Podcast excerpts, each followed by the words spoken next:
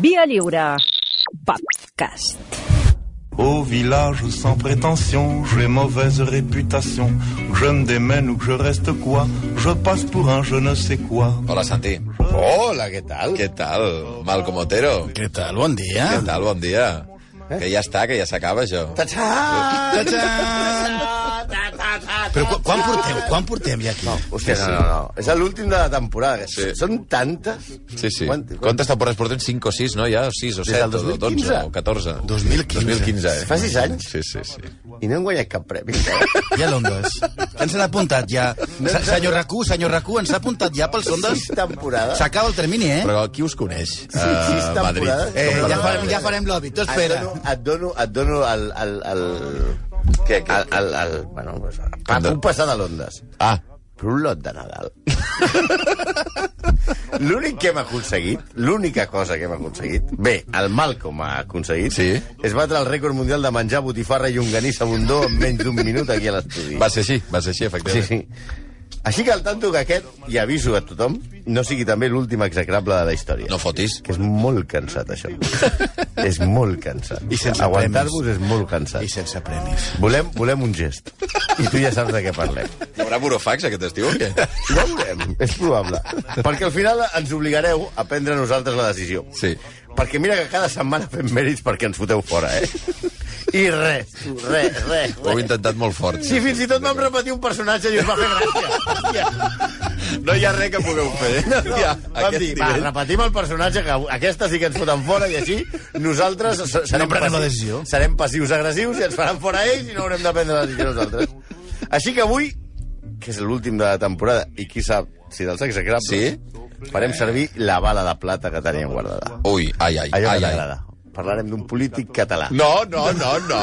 No, no, no. tu què ens vas dir al començament? No, per favor, home. In illo tempore, Us, com diu el... us vaig dir dues normes, sobretot, que no fos català i que no fos viu. Ja està. Sí, la, de aquest Vius, mort. la de Vius està perfecta. sí, de la de moment. catalans no, no està tan, tan, No, tan... la català Així- us heu optat pel... Bueno, Així, però bueno, viu, però, però sempre té, té, té, el, té el seu públic encara, eh? Sí. Parlarem d'un home admirat com el creador del catalanisme polític, ai, que comencem a tocar coses, Uf. que va intentar solventar el problema català, ai, que tocarem coses, sense gaire èxit pel Ai, que home. s'ha vist, dir, però que també va ser un mecenes de l'art, de la cultura. Mira, va finançar la història de Catalunya de Ferran Soldevila i el diccionari de Pompeu Fabra. Ahà. Pels de l'ESO, el que us fa escriure amb dues S i ses trencades. Va ser un dels homes més rics de tot el segle XX a Espanya i segurament també més rics d'Europa.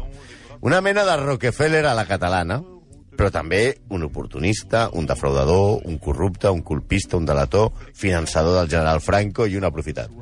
Parlarem a veure si ens foteu fora d'una puta vegada, Ai, ai, ai. de Francesc de Cis Cambó i Ai, ai, ai, ai, ai. més conegut com Cambó. El combo, no el cambó. Clar, que per Cambó no ens venia molt El combo, diu la cançó. Hem decidit canviar i posar el combo de El Rico. combo de Puerto Rico. Així li devien dir, no? Allà. Combo, com està, Francisco combo. Combo. Ambó. Paquito Cambó. No, de fet no... Era no- això o Paquito el Chocolatero? Ah, sí, també, també ha estat a punt de caure, eh? De fet, no anem tan desencaminats, perquè, com ja veurem, moltes de, de les seves facècies van tenir lloc a Amèrica. De Calbó pel mundo. Oi, què? Tatito, tito, tarido. Però abans d'ir per el mundo, Sí. el nostre Francesc va néixer a Verges, Girona, on, per Sí. cert, viu, viu ara el professor, el profe, un, un polític important, un professor d'universitat molt important i un escriptor. La Ah. mateixa província, Girona, eh? Girona. i què? Girona. Què passa a on Girona? Que, que acull el celler de Can Roca. Nosaltres pesats. estem, estem esperant un Veritat, gest. Necessitem veritat. carinyo. Prou, Tot i ja. que el pare era Prou. de Besalú, Sí. va anar a viure allà quan, tenia, quan era ben petit. Mhm. Era el tercer de tres germans, i el pare volia que estudiés farmàcia, perquè, segons deia, era la millor manera de poder fer d'hereu, perquè els dos eh, grans, eh, havia, els dos germans havien mort. Es veu que a Besalú no hi havia guàrdies ni, ni dispensaven test d'antígens. Sí, perquè tu podies dir, hòstia, agafa una farmàcia que no fotràs ni brot, no? Collons, els farmacèutics ara curren. Bueno, el nostre Paquito no volia ser apotecari. Pas de l'ESO, no té res a veure amb CaixaBank o ING i allò de... No, apotecari és, és Vale. farmacèutic. un crèdit apotecari. Ell, favor. ell de petit li deien Francesc, què vols ser de gran? Polític, polític, vull ser polític.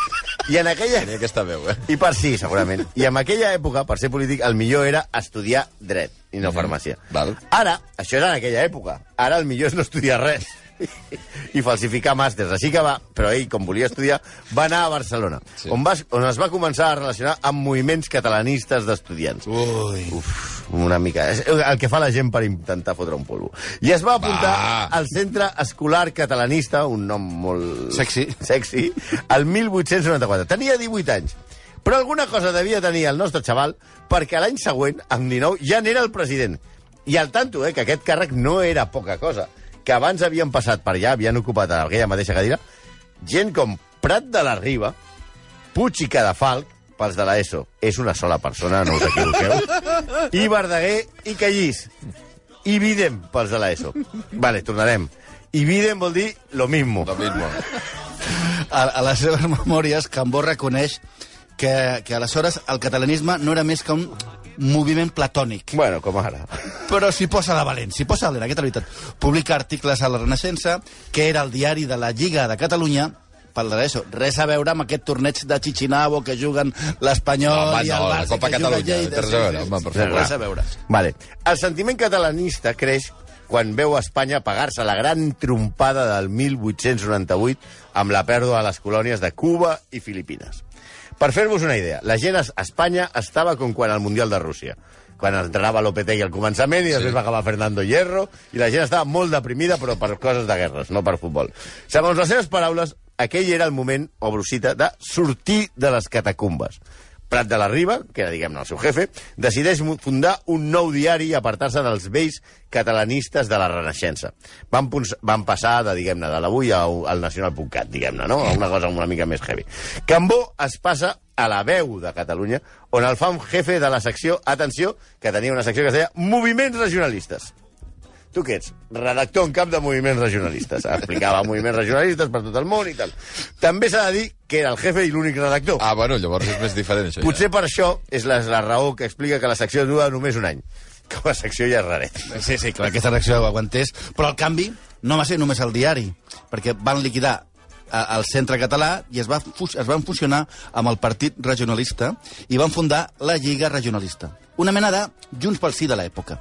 I allà van agrupar-se tots aquells que volien tallar el bacallà al país.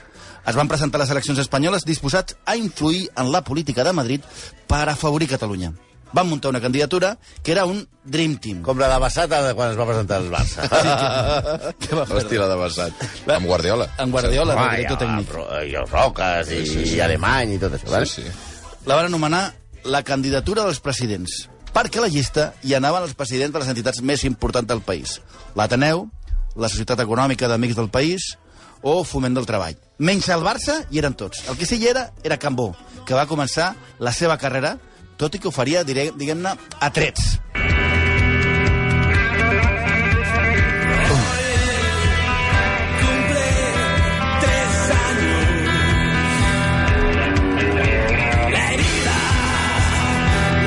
Va acabar a tiros, com deia Ai, ai, ai, com ai. deia la meva àvia quan anava a Camp Pistoles. A tiros. A tiros, això és de, aquesta pel·lícula és de tiros.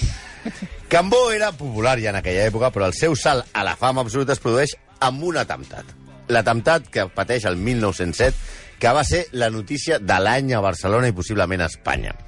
Un atemptat que encara dona que parlar perquè mai s'ha arribat a aclarir realment. Anem per parts. Cambó anava com amb un faetó. Faetó, com tots sabeu, és un carro pijo. Un carro, Un carro de cavalls. De cavalls. Una mica El tirava dos cavalls, anava pel carrer Béjar amb creu coberta, per allà Sants, no? Sí. I anava a fer un míting al casino de Sants. Poc abans, unes hores abans, els partidaris del nostre vell amic Home. vale, sortien d'un teatre al Paral·lel, que devien anar fins a les tranques, Sí. de- d'un míting de l'emperador al Paral·lelo, que anaven cargaos, cargaos, com si sortissin del xassis, i van decidir anar a buscar brega amb els catalanistes. Com si fossin ultres d'equips de futbol. Bé, eren ultres, però no d'equips de futbol. Sí, ultras eren, sí. El cas és que en un moment donat comencen els problemes. Primer, a cops de puny, després ganivets i al final trets. això és- En un moment donat, unes, do unes dones tallen el camí del carruatge amb escombres plenes de femta, ja sabeu, femta, bosta, merda de cavall, Sí. i posen i, i les posen als ulls dels cavalls que s'encabriten i el, i el cotxer els ha d'aturar. És aleshores quan comencen a disparar el cotxe de Cambó, que rep 30, 30 impactes de bala. Però només un li dona. Bueno, clar, és que si li donen els 30 segurament estaria mort. Sí, clar. Que va salvar la vida de miracle en qualsevol cas. Primer la tenen en una farmàcia Veus? Mira, per no voler estudiar farmàcia. i després si no sé que s'hagués curat ell mateix. I després, amb escorta a la Guàrdia Civil, sobre una llitera de rodes, recorren a peu tot el Consell de Cent fins a arribar a la clínica del doctor Fargas, que és una mena del doctor Cugat de l'època Sí. pels ferits de bala. Sí, saps quan es trenca, una, es trenca un enjoroll? Sí, sí. Abans a Barcelona Du- disparaven a molta gent. I, ara, i, i, d'haver el metge de referència. i era aquell. Ara que diu, s'ha trencat el, el genoll, anirà el doctor Cugat. Ara. Ara, han disparat a no sé qui, el doctor Fargas. Fargas. El Però doctor passa el Fargas. mateix que amb el doctor Cugat, que salva la vida, però és baixa pel que res per la resta de temporada. Ala. Ja està. L'atemptat és molt famós i, polèmic, i polèmic, perquè resulta que eh, la roxista sempre van dir que se l'havia provocat ell mateix, que si disparen 30 bales no és possible que no el matessin, ell acusa... Bueno, el, en tot cas, com acaba, és que la Lliga, arran d'aquest atemptat, arrasa a les Home, eleccions. tu diràs. Sí, la- l'efecte Bolsonaro s'hauria de dir efecte Cambó. Mm -hmm. Ell triga sis mesos a recuperar-se de les ferides i en ocupar el seu escó perquè està realment fotut. A Madrid, quan arriba a les Corts, arriba com a líder màxim de la Lliga perquè ja ha mort per Prat de la Riba. Amb les seves idees reformistes, molt modernes per l'època, què fa? Una gran idea que no ha tingut ningú. Proposa un referèndum Per Catalunya. per Catalunya Per l'Estatut. per aprovar el projecte d'Estatut del 1909. Sempre hem donat voltes al mateix. I què fan? Sí, home... Disculpeu. És que veure notícies noves amb... amb... T'emociona. Bueno, jo crec, perdona, eh? I fins i tot per mi fa fred a l'estudi, ara. Sí, comencem a... No, s'està s'està fresquet, s'està bé. Ja tinc els mugrons com per penjar tovalloles. Aleshores, el... resulta que què fan els, els, els, els parlamentaris espanyols quan va un català i els hi presenta un projecte de... Pues, Es giren d'esquena o alguna home, Parteixen la caixa. idiota, burro, no sé què, què està dient, se'l pren la xufla. I aleshores Cambó què farà? Una cosa que també és nova, que no l'ha fet ningú. Que no l'ha fet ningú. No sé si us sonarà la cobla. Els de la Lliga demanen al poble un moviment de desobediència civil. Hosti. Ja està, per fer canviar de parer la població. Estem en bucle des de 1919, senyors. Però hi ha diferències, perquè els radicals d'abans no eren els de la CUP. No. Que serien personatges del Club Super 3, eh? Comparats amb Quina el de l'època. Sí, sí, sí. Era un xiqui parc comparat amb el que va passar aquí. Sí, sí, els anarquistes comencen a treure les pistoles a fer vagues generals, no d'un dia, no, vagues de veritat. I Cambó què fa? Pues s'acollona. Veu masses d'obrers pel carrer, mucho ruso en Rússia, que diria aquell. Clar, perquè pensa que 1219 veníem, veníem de la revolució soviètica del 17. octubre del 17, Ell ja va dir, feia res. tanta gent amb boina i pistola pel carrer, Ja, hòstia, sí, que a veure si perdré jo aquí les mira, empreses. mira com ha acabat el, el, el, el SAR. I, clar, és, el Cambó, per, perquè que està una mica, té una mica de por, és partidari d'armar la milícia del sometent per protegir les fàbriques i el passeig de Gràcia. Sobretot molt important protegir. Sobretot el Passeig de Gràcia. La tenda d'Adidas, la tenda del Barça, allò, allò, allò que quan hi ha aquells altaruis diuen home, doncs que el Passeig de Gràcia no es pot tocar. No, home, no, i la, la Sorquina Ona sí, i el Raval Sí, sí. però ja no, perquè hi ha tendes de. Gucci. Ja. I fins i tot, ell mateix, el, el propi Cambó, patrulla armat pel carrer. Sí. Segons Amb aquella explica... barba, que devia fer por. Una Oi, mica oi, com... oi, oi, devia ser una mica Guaya Terp. Guaia. Era el Guaya Terp de Besalú. de, de Verges, no. Segons explica l'historia- l'historiador Josep Benet, va pretendre de servir a dos senyors alhora. És a dir, els diners i el país. I qui va guanyar? Els diners, clar. Sí, la seva actuació d'ordre a Barcelona li va fer guanyar bastants punts a Madrid. Perquè van dir, mira el catalán este como ha puesto a los obreros en, en solfa. O sea, tanto que pedía, però... I ell tenia la idea política de que només des del govern d'Espanya es podia consolidar l'autonomia de Catalunya. Però també que sense Catalunya no es podia governar Espanya. Vaja, no em sona de res. Iceta, No, no, eh, eh, no. no has inventat res. Però li van descobrir també el doble joc, perquè ell a Catalunya era com molt així catalanista i a Madrid era allò de... A veure què hi de lo mío, no? D'aquí ve la famosa frase d'Alcalá Zamora, un polític que es diu Niceto i va guanyar les eleccions, que té un mèrit que t'hi cagues, li va retreure que a Cambó, diu, no puede jugar a ser Bolívar en Catalunya i Bismarck en Espanya. Però ell seguia tenint el seu públic a Madrid. El van fer ministre de Foment. Ojo, ara estaria al palco del Bernabéu, eh? Home, I també d'Hisenda. Estaria al palco del Bernabéu, home, eh, també. home. I fins i tot Alfons XIII, un altre execrable que aquí hem tocat, va pensar en ell com a cap de govern. Al Ui. final va ser que no, eh? Por catalán. Que raro. Albert Rivera tampoc has inventat res. I aleshores arriba el cop d'estat de Primo de Rivera. Home, perdona. Com a Love Boat no seria un cop d'estat. Espera. Bueno. La cançó, la cançó té un sentit. A part que teníem enveja perquè va sortir en les pantalles i ja, Ah, sí, sí. ja estem farts de que ens robin les cançons. I hi ha un separador d'ells cantant, vull dir que Sí, sí, vosaltres sí. mateixos. La, la cançó té un sentit, perquè el cop d'estat de Primo de Rivera l'enganxa mentre estava de creuer per les illes gregues al, a bord del seu iot Catalònia. A és que Estava tranquil·let. Estava tranquil·let allà. Dia, Ai, mira que Preocupat maco". que estava. Preocupat. En aquell, en aquell Sí, moment. yo estoy aquí. Oye, que había un golpe de estado. Gofer, otro de Kiri. y ahora me voy a vestir para la cena del capitán. Hostia, el capitán soy yo. Hem, hem de pensar que aleshores Cambó ja era de llarg, com us explicava, us explicarem de seguida, un dels homes més rics d'Europa i que es pagava el que es diu la vida padre. Feia les vacances al seu iot, com Florentino amb el Pitina, però sense gravacions d'aquestes de converses. El cop d'estat de Primo de Rivera triomfa i el general Garrulo fa una política molt anticatalana, molt anticatalana. Però aquest cop Cambó es manté molt al marge. Allò de que jo soc molt catalanista ja diu... Bueno, Defensa que s'ha de que he fer... vist, molts sobre, he vist molts sobres amb boina i pistola pel carrer. Sí. Què he de fer jo, ara? No, i, I què defensa? I defensa que s'ha de fer el buit a la dictadura. Sí, sí, ja veuràs com, com, com s'ho feren. No fem res, no fem res, ja veuràs com funciona. No els parlem, vinguin- no els parlarem. No, sí. Enfada't i ja Ja està. està. Però sobretot no conspirar contra el règim. Com si fer el buit a la dictadura fos fàcil si no estàs en, si no estàs a un iot, el Johnny, allà dient que maco, sí. aquesta, aquestes illes sí que són maques, eh? no és Formentera. La No seva... et penso trucar. No penso trucar, i no, però tampoc res. Otro de Kiri, Gofer. Vale, la seva taviesa, per no dir col·laboracionisme amb la dictadura de Primo Rivera, li fa perdre, òbviament, molta popularitat entre les bases catalanistes que encara confiaven en ell. El 1931, ja quan peta Primo de Rivera, mira de fundar un partit moderat anomenat Centro Constitucional. Senillosa, tampoc vas inventar res. Però va, va treure uns resultats molt pobres i aleshores marxa a un primer exili a París on coincideix amb els exiliats de la dictadura de Primo Rivera. És a dir, que en aquell moment es confon amb els que havien marxat de Primo Rivera i ell.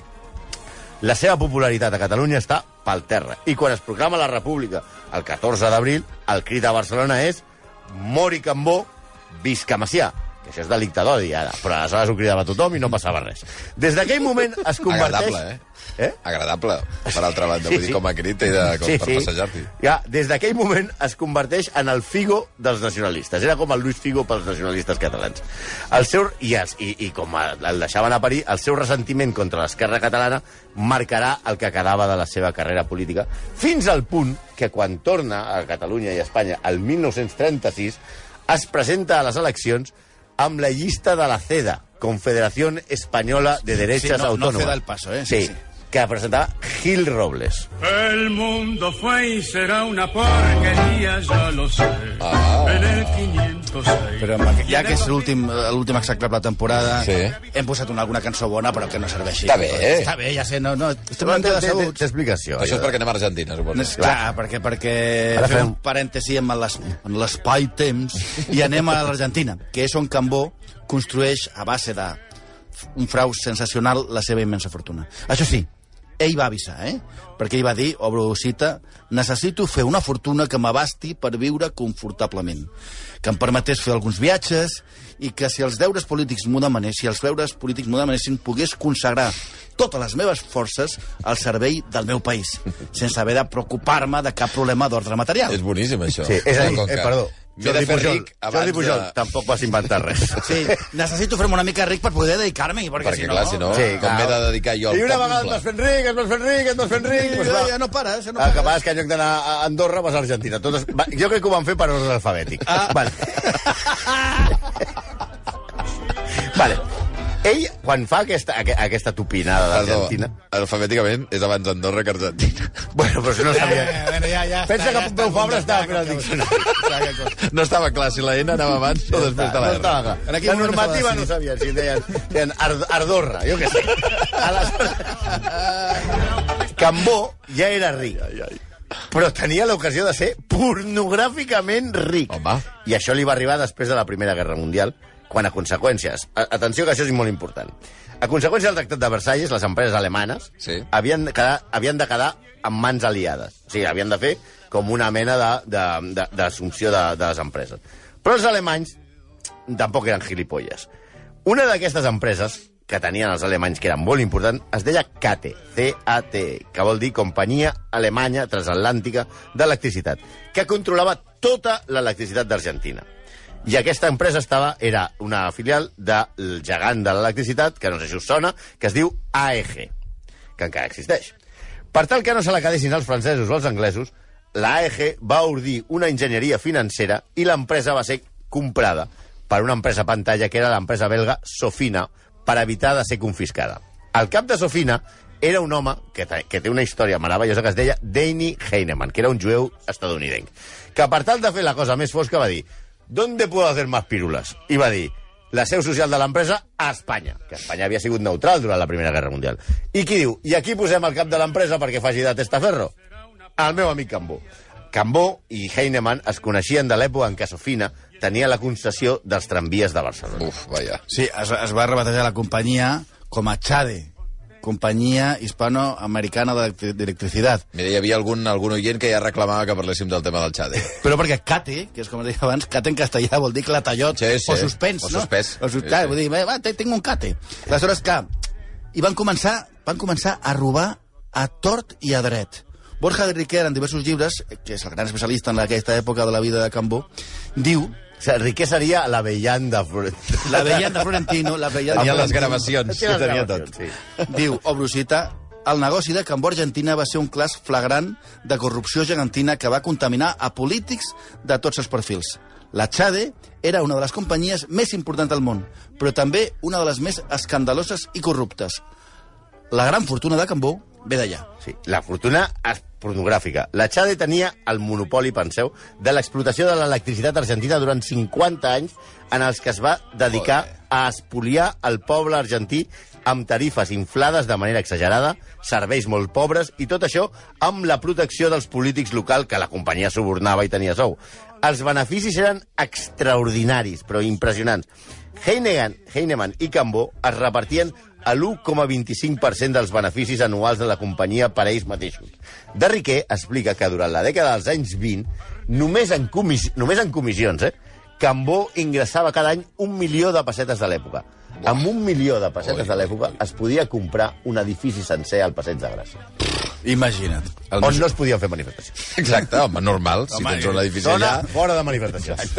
El manifestròdom queda de carrer Llúria Cap avall. cap, cap a dalt.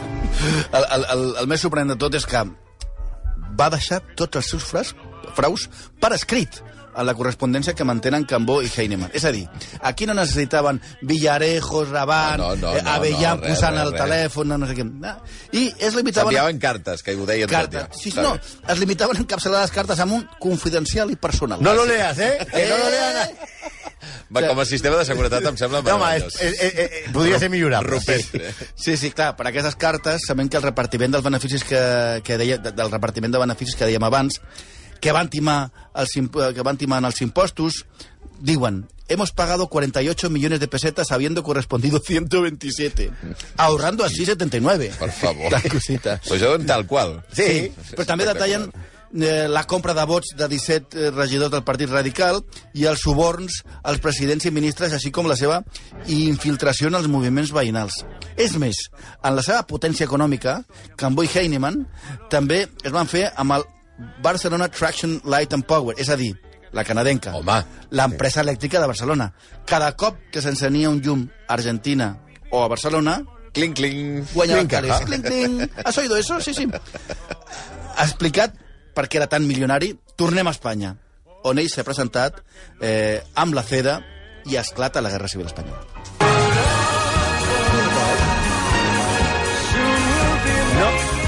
No ens hem equivocat de tall i ha tornat a sortir el mateix. Torna a ser el davant. Us recordeu que quan va escoltar el cop d'estat de Primo tenim, Rivera... tenim el...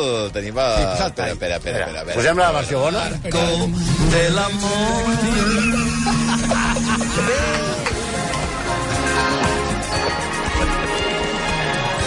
Ai, Déu meu. A veure, us en recordeu? Vaya grup. Us en recordeu? Els que de- venen darrere, també. Us en recordeu de quan va esclatar el cop d'estat de Primo Rivera? On estava Cambó? Home! El Marc Jònic el amb Marc el amb- amb- No, era el- Catalunya, era Catalunya. El Barça. Era el Catalunya, Barça, però el Marc Jònic, allò... Diu, mira, A les Illes Gregues. Vale, Amb la otro, calma. otro, ahora quiero un banana... Preocupadíssim que estava. Sí. Val. I ara on estava? Estava, quan esclata el cop d'estat de Franco, on estava? On? Al seu iot Catalònia, però aquest cop a l'Adriàtic. En el Eh, mateix iot. s'havia mogut una mica. The Love Boat.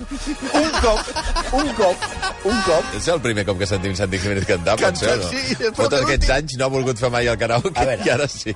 A veure, un cop Sí. podria ser casualitat. Però dos, Ah, home, vols no fotem Cambó, Una, hòstia. una mica planificat, Ja, eh? molts historiadors consideren, vés a saber, presumptament, que estava al tanto de les dues Que situacions. alguna cosa sabia. Ah, jo diu... Vaja. Escolta, eh, anem pirant cap a...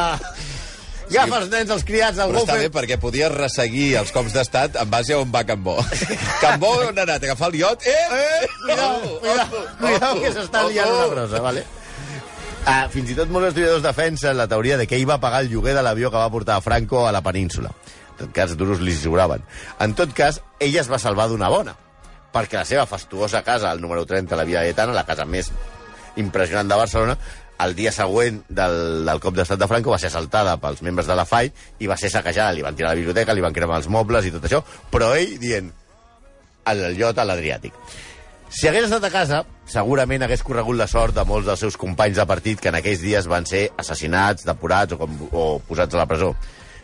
I si ho sabia, no els va avisar. Ui. Sí, perquè sí, si amb el cop d'estat de Primo de Rivera va ser, diguem-ne, tolerant, amb el de Franco va ser clarament actiu.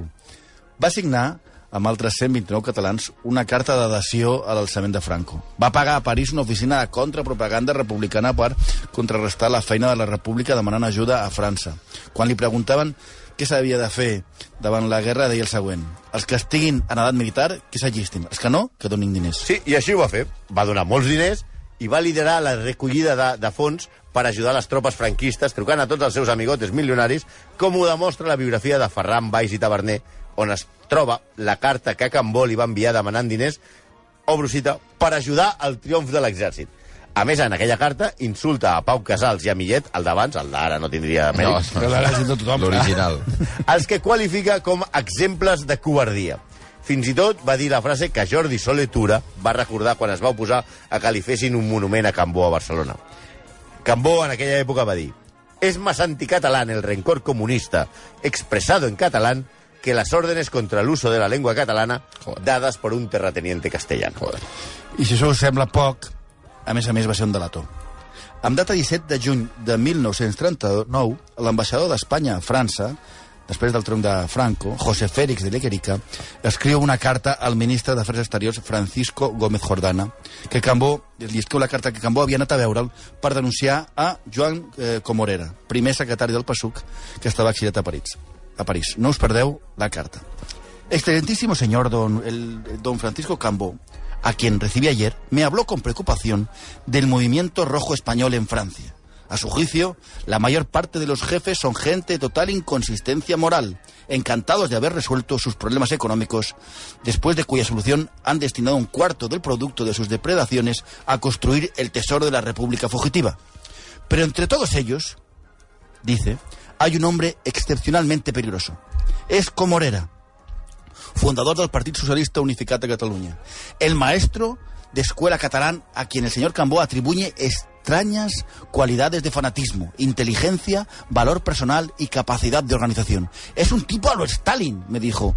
Entrando en detalles, me señaló eh, que en un restaurante, en un restaurante llamado Barcelona, aquí en París, como centro principal de reunión de los militantes activos y con capacidad revolucionaria, indicó la conveniencia de buscar a un sobrino de su propietario, abogado, residente actualmente en Barcelona, para utilizarlo en servicios de información y confidencia. Sí, el 1947, Cambó realment ha penedit, això és veritat, d'haver recolzat els franquistes després de veure el que van fer. De fet, mai va tornar a Espanya ni a Catalunya.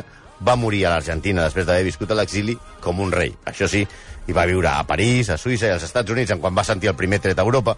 La seva mort no va estar exempta tampoc de misteri, perquè mireu com el passat segueix, ens segueix revisitant. Diuen que va morir per la reacció adversa a una vacuna. Oh, Sí, ens queda, ens queda, encara ens queda, la seva fabulosa col·lecció d'art, que últimament va ser notícia perquè la van posar en subhasta, van posar en, subhasta el retrat de, de Marulo, l'últim Botticelli, que quedava en mans privades. L'AMNAC i el Ministeri de Cultura donaven per fet que aniria a Montjuïc, on és el fabulós llegat Cambó, però finalment va acabar a València. Però va estar a punt, va estar a punt de comprar-la David Beckham. Bueno, Us heu quedat descansats o què? per, fins la temporada que ve, no? O, Que bèstia. o Bueno, Que què? bèstia. Bueno, necessitem un gest. No, Ara, ara obri, obrim el període de negociacions, com Milà Sí. Moriba. Però mentrestant heu de jugar al juvenil, com Milàs Moribo, que no volen renovar, doncs ha de jugar al juvenil. Pràcticament un quart de 12 del matí, Santi Jiménez, Malcom Otero, bones vacances, eh? A vosaltres. Que A descanseu vosaltres, el que jo no pugueu. tinc vacances. Ah, no, ja és veritat, tu ja has passat, serà al poble del, del teu sogre i ja està. Bien entendu.